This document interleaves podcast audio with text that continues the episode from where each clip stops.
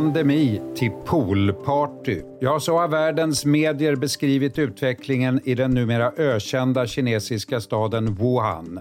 Det var ju där coronapandemin anses ha startat i december förra året.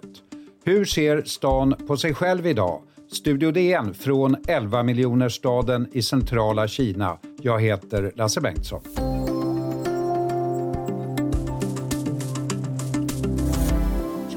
Authorities have traced a new deadly virus back to this seafood market in the city of Wuhan, sparking concern that the virus might have been transmitted from animals to humans. Ja, den sista december förra året kom de första rapporterna om flera fall av lunginflammation i den kinesiska staden Wuhan. Fallen rapporterades till Världshälsoorganisationen WHO. Den 1 januari stängde kinesiska myndigheter fisk och vilda djurmarknaden i Huanan som man misstänkte var källan till viruset. Den 7 januari bekräftade Kina att de identifierat ett nytt coronavirus. Den 23 januari stängdes Wuhan av från omvärlden. Isoleringen varade i 76 dagar. Hallå där, Marianne Björklund i Wuhan. Hej, hej! Hur är det Marianne att vara där just nu?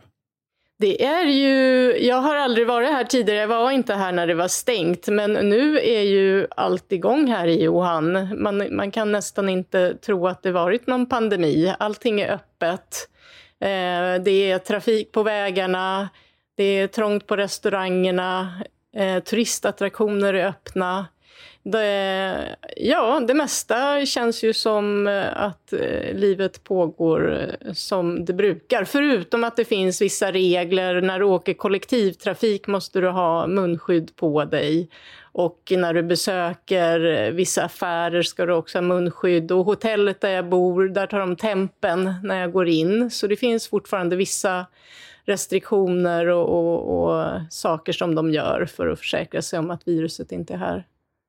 Var det krångligt eh, att resa dit överhuvudtaget undrar jag? Nej, vi, vi, jag har flugit från Peking eh, och nej, det var inte krångligt. Eh, där är det också då när man flyger att man måste ha munskydd på sig. Eh, och sen var det lite extra koll på mig som kom från utlandet när vi hade landat så var jag tvungen att fylla i något formulär. Jag fick faktiskt, jag satt på rad 50 men fick gå av först av alla för att de skulle kolla mig lite extra. Mm. Men annars så var det ingenting som... Eh, nej, det var inget, inget konstigt alls. Och man kan även åka snabbtåg hit. Eh, nu valde vi att flyga, men det går även snabbtåg. Kina har ju åtminstone 113 städer, enastående nog, med minst en miljon invånare. Och Wuhan är bland de tio största med ungefär 11 miljoner har jag läst på. Så här kan det låta i stan just nu.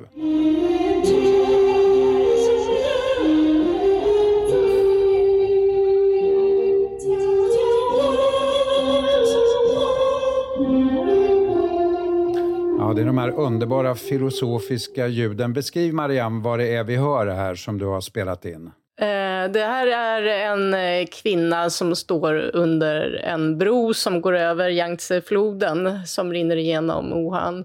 Och eh, hon sjunger karaoke kan man väl säga. Det är en man som spelar piano men sen är det massa trummaskiner och sådär som sätter igång också. Så att de är ett gäng pensionärer som kommer dit och, och står där och, och sjunger varje varje dag. Eh, och det kunde de ju inte göra under 76 dagar, så de är ju jätteglada att de kan gå tillbaka. Det är ju en social grej för dem.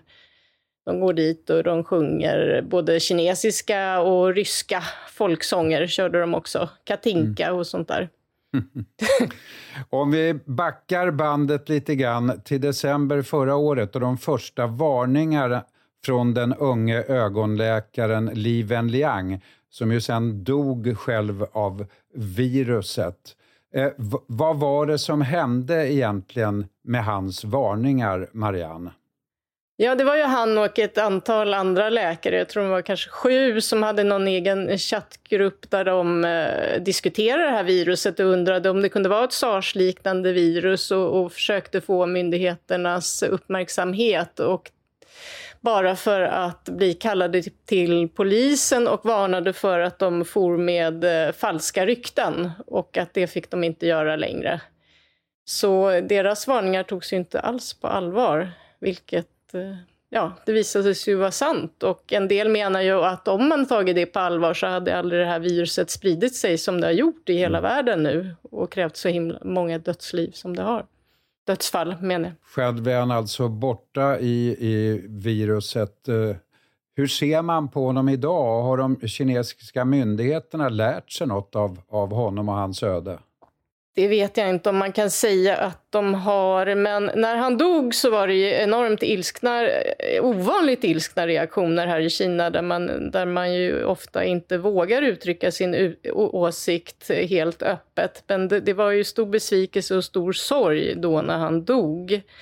Och man var arg på att, man att, folk, att myndigheterna inte hade lyssnat på honom.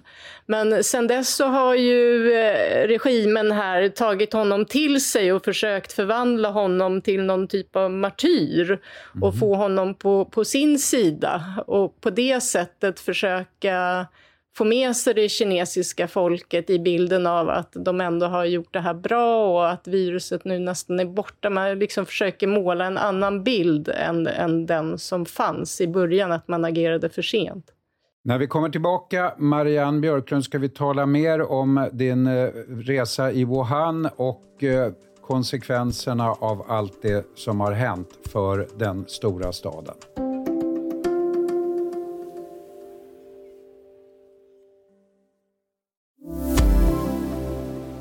Ja, Marianne Björklund i Wuhan. Man säger att knappt 4 000 dog där. Eh, bedömer du det som en realistisk siffra? Eh, jättesvårt att säga, men det är ju många som inte, inte tror på den siffran. I början så var det ju dokumenterat stort kaos på sjukhusen här och jag vet att jag själv pratade med en kvinna som hade släktingar som var sjuka och inte fick plats på sjukhus. Och det finns ju en misstanke om att många i inledningen eh, dog hemma helt enkelt och det aldrig rapporterades att de dog i covid. Men eh, ja, det finns ju... Ja, det, jag kan ju inte säga exakt hur det var, men det finns ju en sån misstanke i alla fall. Huanan Seafood Market, alltså virusets eventuella ursprung, Eh, det stängdes ju alltså. Vad händer med det nu? Vad säger man idag? Eh, kom det därifrån? Är man med på, på den, den teorin?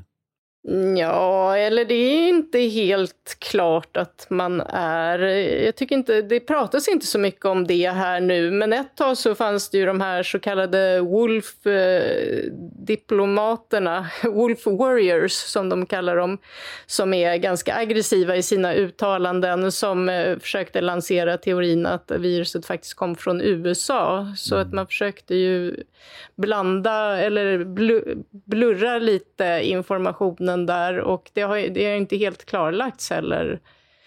Det har inte gjorts några granskningar. Man har inte hittat exakt var viruset kom ifrån men som jag uppfattar det så tror de flesta vetenskapsmän att, det kan, ja, att den största sannolikheten är att det uppstod på marknaden. Det var ju där många sjuka upptäcktes. Men den marknaden är, vi var förbi den marknaden, den är stängd. Ehm, de har satt upp några väggar där vid ingången, ljusblå väggar med landskapsmotiv, planterat blommor. Mm. och när vi gick förbi, där det var jag och en ehm, fotograf, så sa de genast att eh, vi får inte ta några bilder, fast det egentligen inte var något att ta någon bild på. Mm. För det, det, ja, det, det syns ju knappt att det är en marknad. Men det fick vi inte göra. Så då frågade vi, kan vi bara få gå här då? Då gick vi där med en vakt som gick bredvid oss hela tiden, hela vägen. Så det är uppenbarligen känsligt fortfarande, den här marknaden. Man får inte dokumentera den på något sätt. Är det så att det är många som åker dit nu för att, för att titta av nyfikenhet, någon slags katastrofturism? Ja, många journalister åker ju hit. Det, i alla fall. När, jag, när vi var där så sa de, ja, tidigare idag var det både en japansk och en italiensk journalist som ville gå här vid marknaden och ta bilder. Det fick inte de heller. Men sen är det ju många kinesiska turister som kommer hit. Jag, eh, vet inte om det är katastrofturism, men under den här gyllene veckan som var eh, i början av oktober, som är en stor helg här i Kina, då var ju Wuhan en av de allra mest besökta städerna i Kina. Men en anledning till det kan vara att de har gjort alla turistattraktioner här gratis sedan, eh, ja, jag kommer inte ihåg från vilken månad, men de, de har gjort det i alla fall och det är ett försök att kickstarta turismen och ekonomin här som förstås led enormt när det var, allting var stängt i tre månader. Ja, det blev ju sen efteråt blev det ju en väldig uppmärksamhet på sensommaren. Det kom ju rapporter över hela världen om vilda poolpartyn i, i Wuhan. Hur eh, togs det emot? Alltså jag tror det var ett sätt för regimen att, att, visa att titta, vi har klarat av det här, vi har bekämpat viruset och de försöker, liksom, de försöker måla upp en ljus bild nu och få, de vill få igång konsumtionen, de vill få igång resandet, det finns rabatter på flyg och jag, jag tror att det är en medveten strategi att ha såna där eh, partyn och, och försöka ingjuta någon sorts förtroende för att viruset är borta. Men eh, alla är ju inte helt säkra på det. En del jag har pratat med här i Wuhan säger att de, de är inte helt hundra på att viruset inte kan komma tillbaka och att de fortfarande vidtar försiktighetsåtgärder och, som att ha munskydd och hålla lite distans och sådär. Men har det varit några nya utbrott eller har man varit förskonad sen, sen det stora? Nej, det var ett mindre utbrott i, jag tror att det var i maj. Och eh, då bestämde man att alla här i stan skulle testas. Alla, samtliga 11 miljoner skulle testas på tio dagar. Så det var ju en jätteapparat. Hur har Wuhan drabbats ekonomiskt av det här? Det, det var ju som sagt en två och en halv månader nedstängning. Eh, hur eller har man börjat återhämta sig? Ja, jag tror fabriker är ju igång och affärer är öppna och restauranger är öppna, men eh, en del har väl eh, tyvärr, jag tror framförallt mindre försäljare och eh, restauranger har, väl, har tvingats gå i konkurs och jag pratade igår med en eh, liten sån här liten du försäljare som eh, sålde de var skaldjur. Eh, de, det var mycket skaldjur här, så det var hummer och kräftor och krabbor. Och hon sa det eh, inte alls tillbaka till det normala ännu. Att det var inte alls samma försäljningsnivåer som förra året. Så än, än är det ju inte riktigt som det var förut. Även om det ser ut så, så är det inte så. Det är ju en, eh, kan man tänka sig, föga avundsvärd eh, situation att vara betraktad som coronans ursprungsplats. Eh, har man någon synpunkt på det där du befinner dig just nu? Hur ser man på sig själv? Ja, nej men jag har försökt fråga folk det lite grann, men de vill inte, de vill inte riktigt titta tillbaka utan de, de vill se framåt och de undviker att svara på den frågan när man, man ställer den frågan hur det känns att vara ursprungslandet ursprungsstaden och eh, vad de tycker om den här eh, sena reaktionen som ändå var på viruset så, eh, så säger de bara ja, nej, men det var svårt då, men nu tittar vi framåt och nu, nu är det mycket bättre. Man får liksom inga jättekonkreta svar på den frågan. Jag vet inte om de inte vill eller om de inte... Ja, det är svårt att säga om. att Det kanske är känsligt också att prata om det kan vara det. Det är kanske en lika svår fråga eh, den, om det finns några allmänna lärdomar i Kina som man drar från just Wuhan och det som hände där. Ja, eh, det är också en svår fråga. Det man har gjort är ju att man i alla fall tillfälligtvis har förbjudit eh, försäljning av vilda djur.